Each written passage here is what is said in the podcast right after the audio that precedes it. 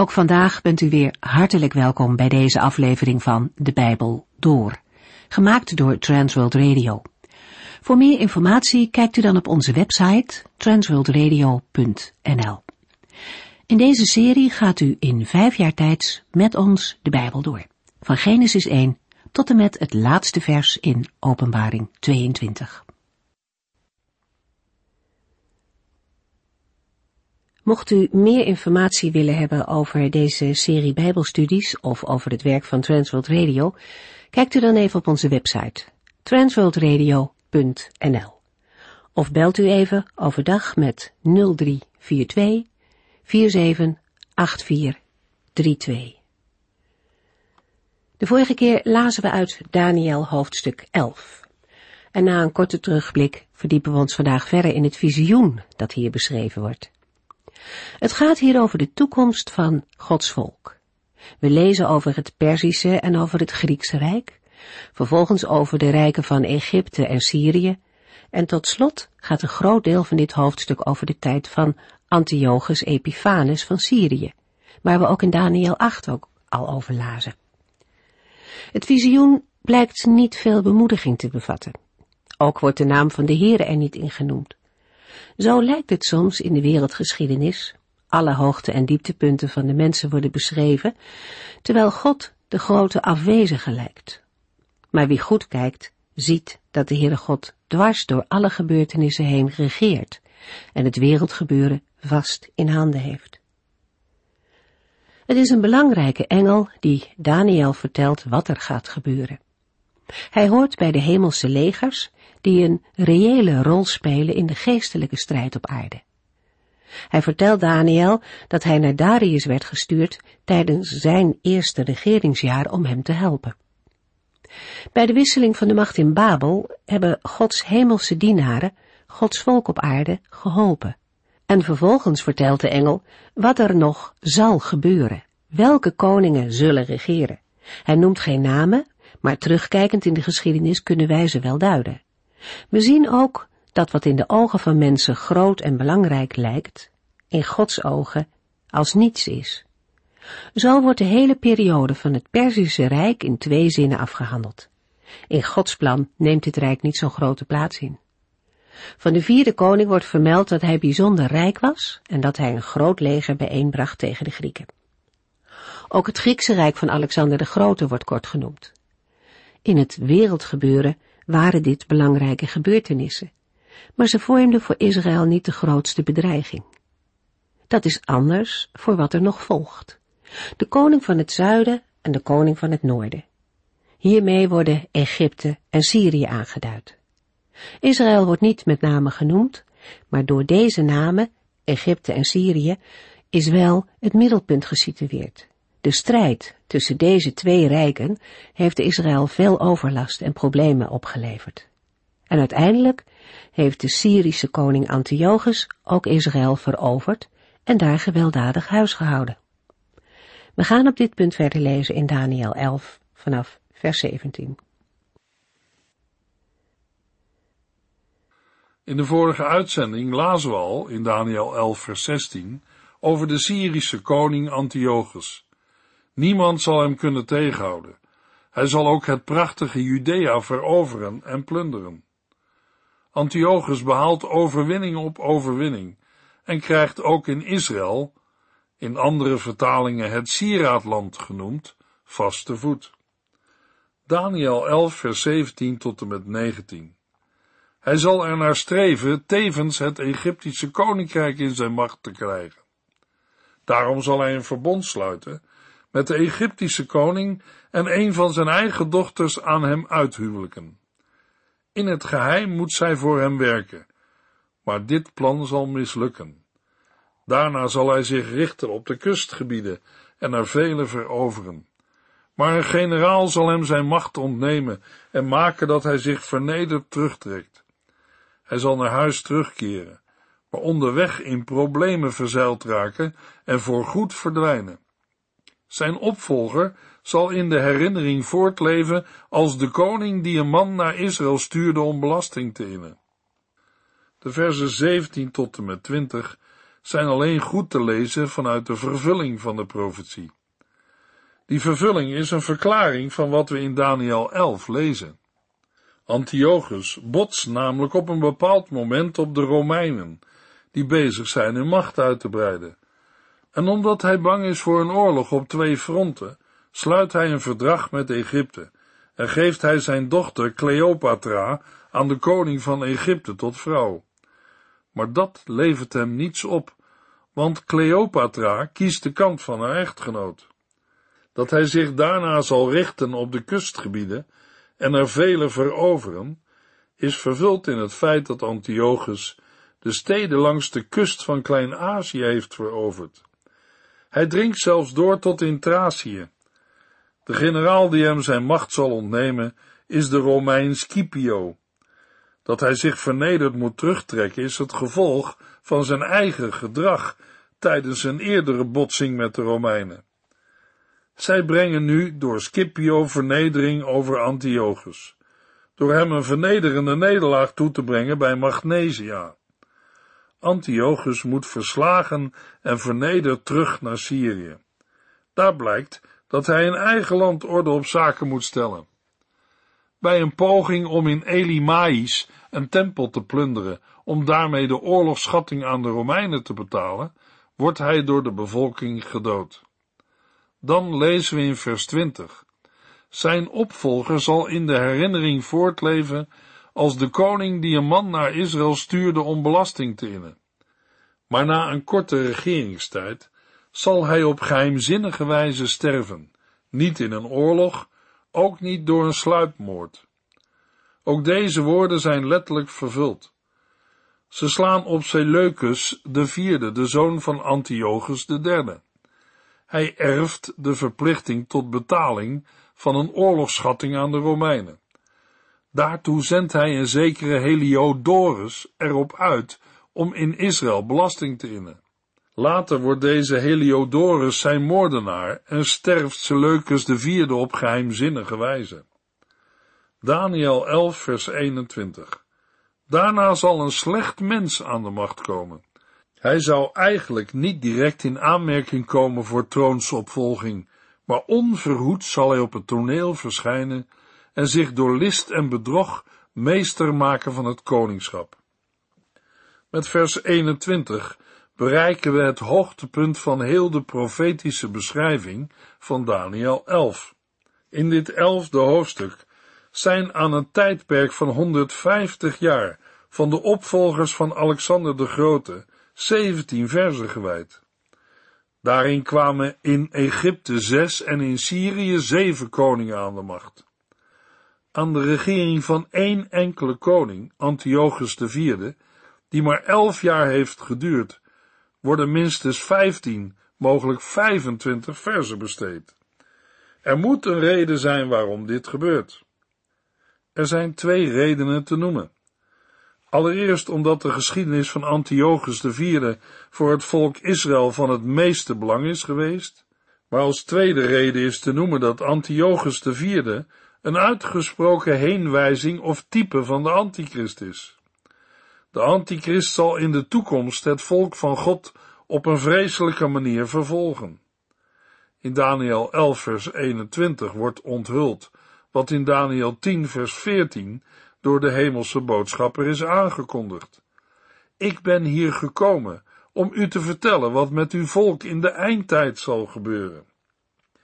Als we de inhoud van Daniel 11 vanaf vers 21 gaan lezen en overdenken, dan ontdekken we dat we in Antiochus IV te maken hebben met de sluwste en meest onbetrouwbare koning die ooit op de troon van Syrië heeft gezeten. Ook met een koning die het meest tegen de dienst van de God van Israël heeft huisgehouden. In plaats van de bijnaam Epiphanes, wat de verhevene of die is verschenen betekent, hebben mensen hem de naam Epimanes gegeven, wat dolzinnige betekent. Volgens de een heeft hij deze naam van de Joden gekregen wegens zijn woeden tegen de tempel. Anderen zeggen dat hem deze naam is gegeven door Polybius, vanwege zijn buitensporige en slechte gedrag. Vers 21 zegt dat hij eigenlijk niet direct in aanmerking zou komen voor troonsopvolging, maar onverhoeds zal hij op het toneel verschijnen en zich door list en bedrog meester maken van het koningschap. Dit heeft te maken met het feit dat hij in eerste instantie niet voor het koningschap in aanmerking kwam. Zijn broer, Seleucus IV, had als oudste zoon van Antiochus III recht op de troon. Na zijn dood zou logischerwijs zijn zoon Demetrius voor het koningschap in aanmerking zijn gekomen. Maar de Romeinen namen Demetrius in gijzeling als plaatsvervanger voor zijn oom Antiochus. Behalve de genoemde Demetrius had Seleucus nog een zoon, die ook Antiochus heette, en door Heliodorus op de troon was gezet. Antiochus IV dook onverhoeds op en wierp zich heel listig als co-regent van zijn neefje Antiochus op. En op een bepaald moment beroofde hij zijn neef van het leven. Met behulp van Eumenes II, koning van Pergamus, die met Rome bevriend was, wist hij zijn koningschap in Rome erkend te krijgen. We lazen al in Daniel 8 dat hij een meedogenloos en listig man was. In Daniel 8 vers 24 en 25 wordt hij omschreven met de woorden, hij zal grote kracht bezitten, maar het zal niet zijn eigen kracht zijn.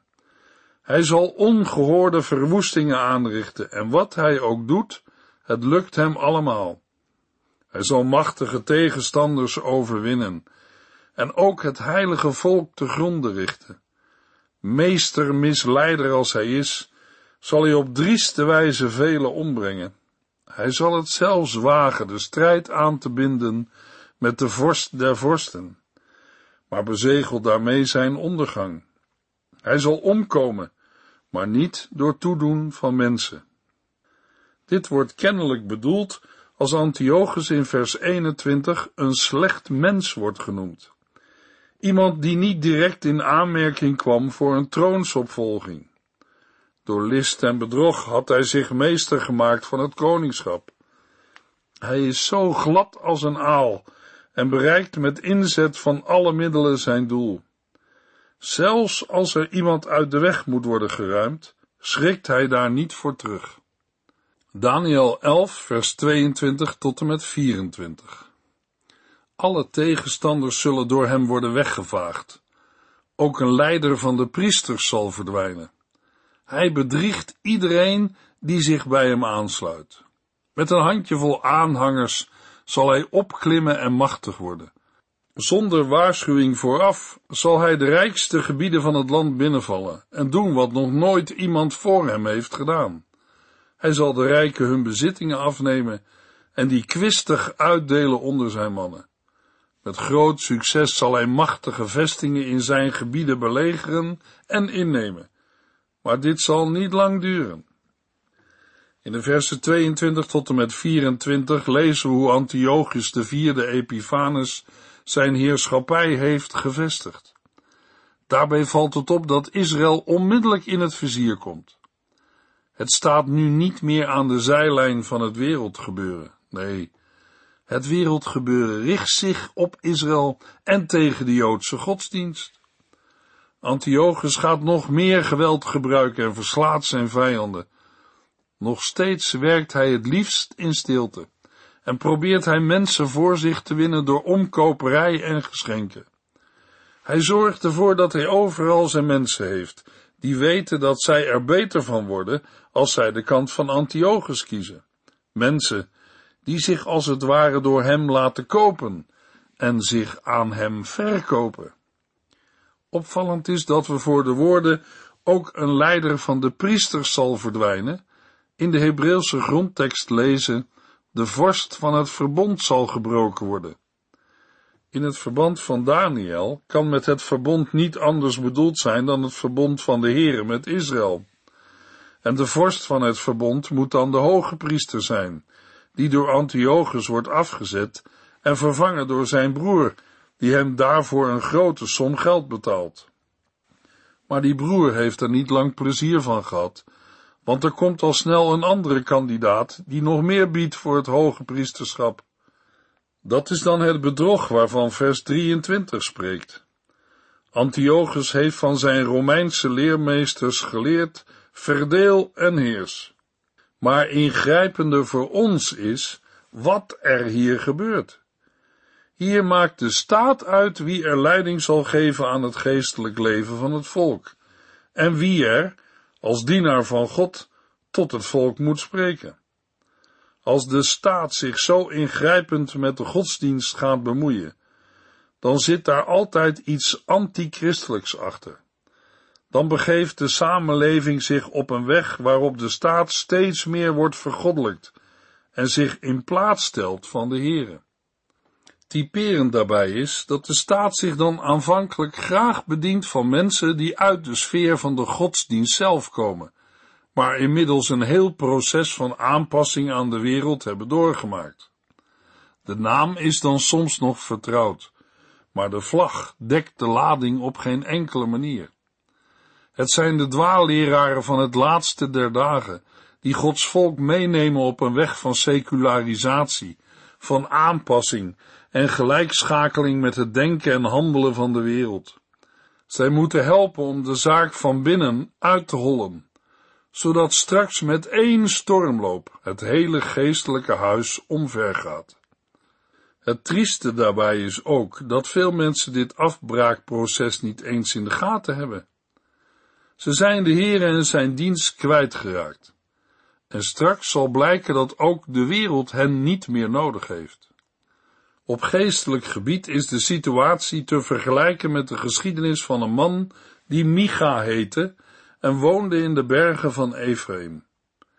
In zijn tijd deed iedereen, ook op geestelijk gebied, wat hem het beste leek. Micha had namelijk in zijn huis een tempel voor God ingericht, waar hij ook een efot en enkele terafim had. Een van zijn zonen had hij tot priester gewijd. Kortom, Micha had een eigen gemaakte godsdienst ingericht. En als die hem later wordt afgenomen, dan roept hij in Rechters 18 vers 24 uit, ik heb niets meer over. Als Micha zijn godsdienstige voorwerpen en rituelen kwijt is, dan heeft hij niets meer over. Dan gaat het niet meer om het dienen van de Heere en leven naar zijn woord en richtlijnen. Dan lijkt de vorm vertrouwd, maar is er geen inhoud? De antichrist is de meestermisleider. We in Daniel 8, hij zal het zelfs wagen de strijd aan te binden met de vorst der vorsten, maar bezegelt daarmee zijn ondergang. Hij zal omkomen, maar niet door toedoen van mensen. Dit is de historische verklaring van deze verse. Onwillekeurig moeten wij bij de woorden de vorst der vorsten denken aan de Heer Jezus van wie de profeet Jezaja zegt, in onze ogen had hij niets aantrekkelijks. Het lag helemaal niet in de lijn van de verwachtingen dat de Heer Jezus het was die Israël zou verlossen. Opmerkelijk dat van de Antiochus, een voorloper van de Antichrist, hetzelfde wordt gezegd.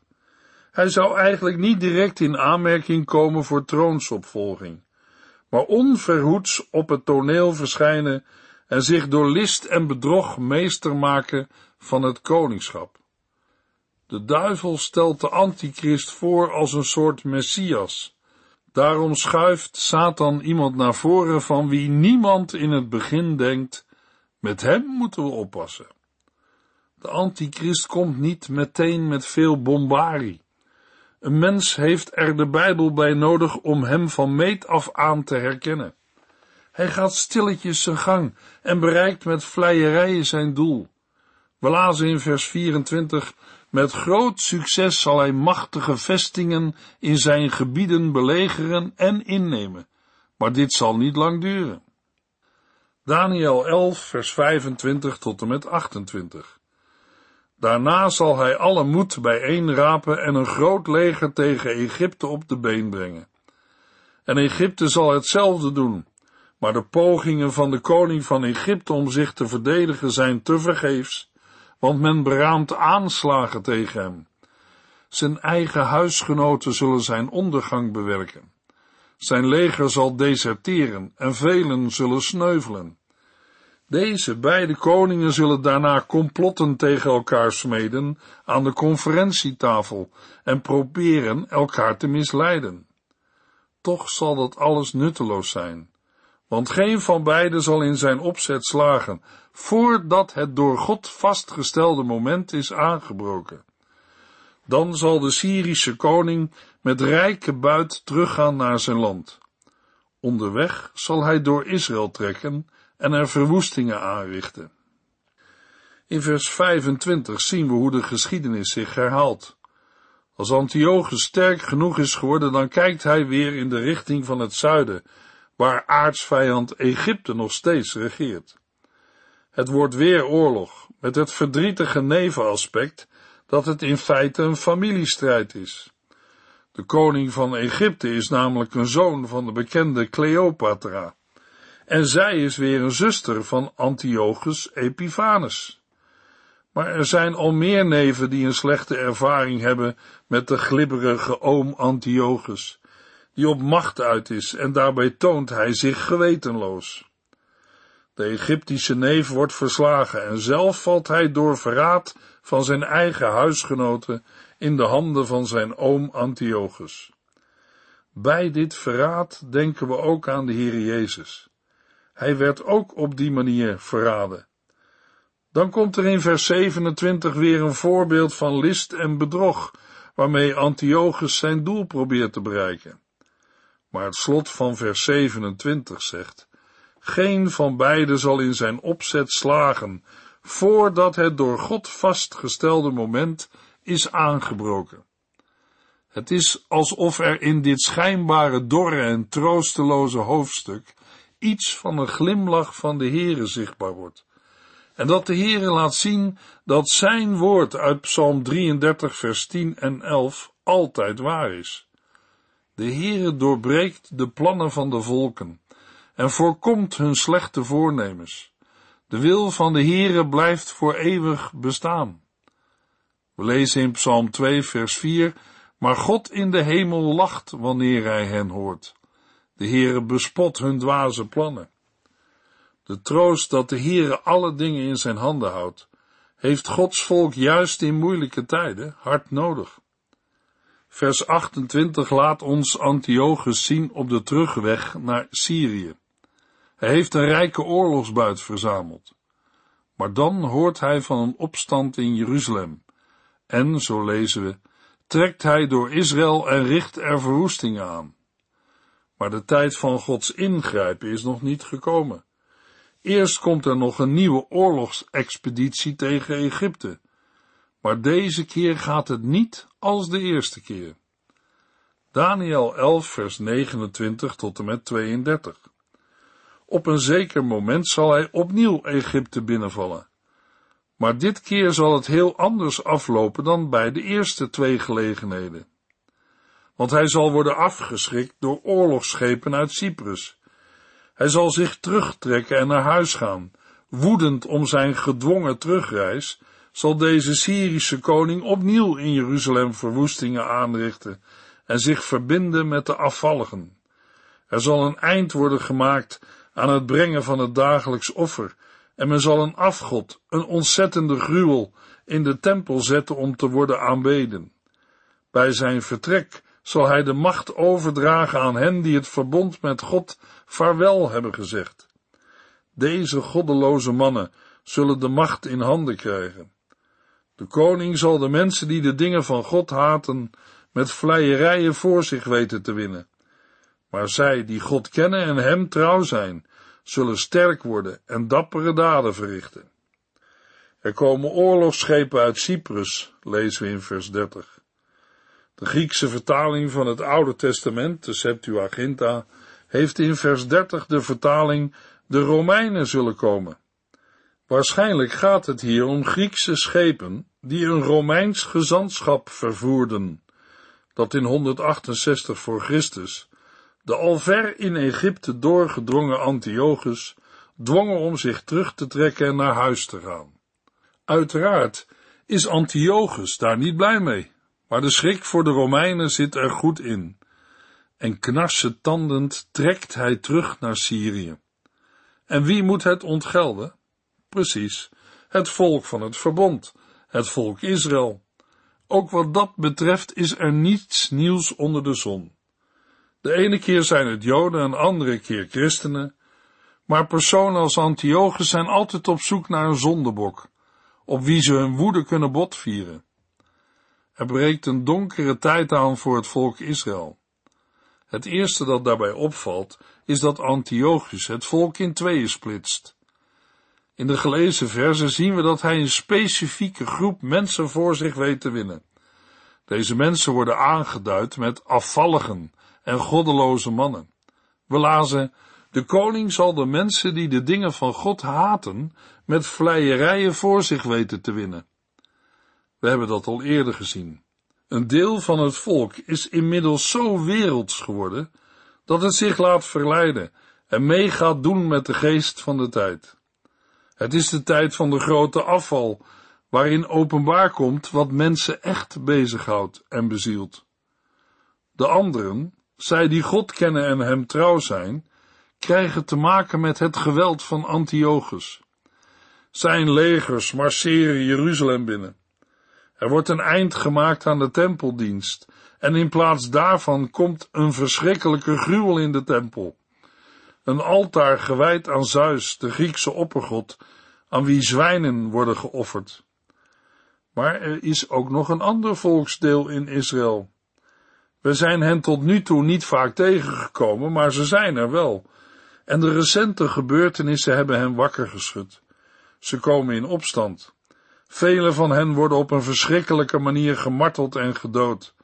Het is de tijd van de opstand van de Maccabeeën. De Maccabeeën waren een Joodse priesterfamilie die de opstand leidde tegen Antiochus. Het apocryfe Bijbelboek Maccabeeën beschrijft hoe de Joodse priester Mattathias, de Hasmoneer, zich beklaagde over de oprukkende verwereldlijking van de Joodse godsdienst in Jeruzalem en opriep tot verzet. Andere Joden die met de Torah wilden leven, sloten zich bij hen aan. Na de dood van Mattathias omstreeks 166 voor Christus nam zijn zoon Judas de leiding over en groeide de opstand uit tot een ware oorlog. De bijnaam van Judas was Maccabi, wat de hamer betekent. Later ging deze naam over op zijn vader en broers. In de volgende uitzending lezen we verder vanaf Daniel 11, vers 33. U heeft geluisterd naar De Bijbel Door, in het Nederlands vertaald en bewerkt door Transworld Radio. Een programma waarin we in vijf jaar tijd de hele Bijbel doorgaan. Als u wilt reageren op deze uitzending of u heeft vragen, dan kunt u contact met ons opnemen. Tijdens kantooruren kunt u bellen op 0342 47 8432. 0342 47 8432. Ook kunt u een e-mail sturen naar de Bijbel door transworldradio.nl en natuurlijk kunt u ook via de post ons bereiken. TWR, postbus 371, postcode 3770, AJ in Barneveld. Dit programma werd gepresenteerd door Cor Weda en Ike André. Techniek was in handen van Odin van Voerkom. En wij allemaal bedanken u voor het luisteren. Graag tot de volgende keer.